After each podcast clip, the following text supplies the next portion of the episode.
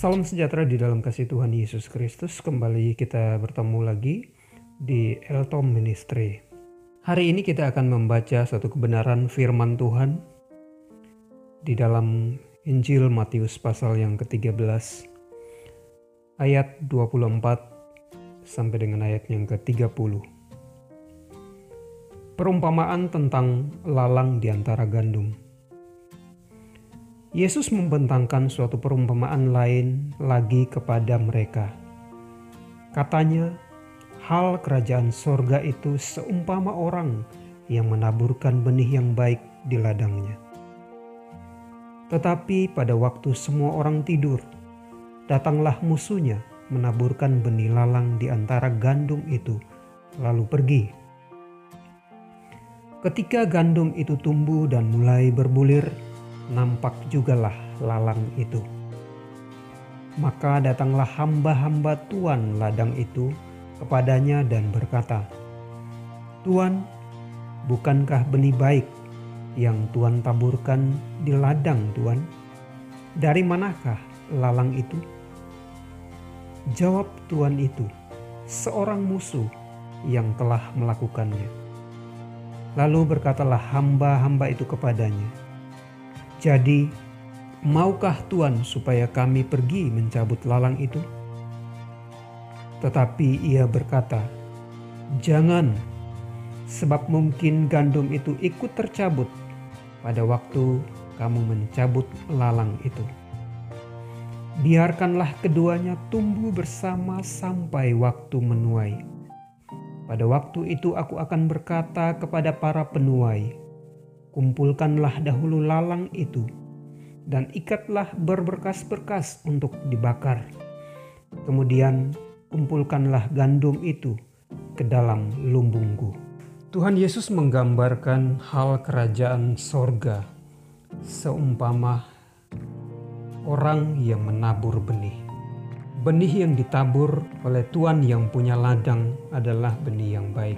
Perumpamaan tentang lalang di antara gandum melukiskan bagaimana Tuhan bekerja di tengah-tengah dunia. Pemilik ladang adalah Tuhan sendiri. Ladang menggambarkan dunia. Yang menaburkan benih yang baik adalah anak manusia atau Tuhan Yesus. Benih yang baik adalah anak-anak kerajaan sorga, yaitu orang-orang yang percaya kepada Yesus. Kemudian yang kedua, ada musuh yang menaburkan benih lalang. Musuh itu adalah iblis atau si jahat, lawan daripada Tuhan.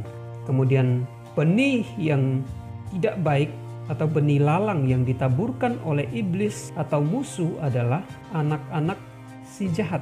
Jadi setiap orang yang tidak percaya kepada Yesus sebagai Tuhan dan Juru Selamat itu adalah anak-anak si jahat. Kemudian waktu menuai adalah akhir zaman Para penuai adalah para malaikat.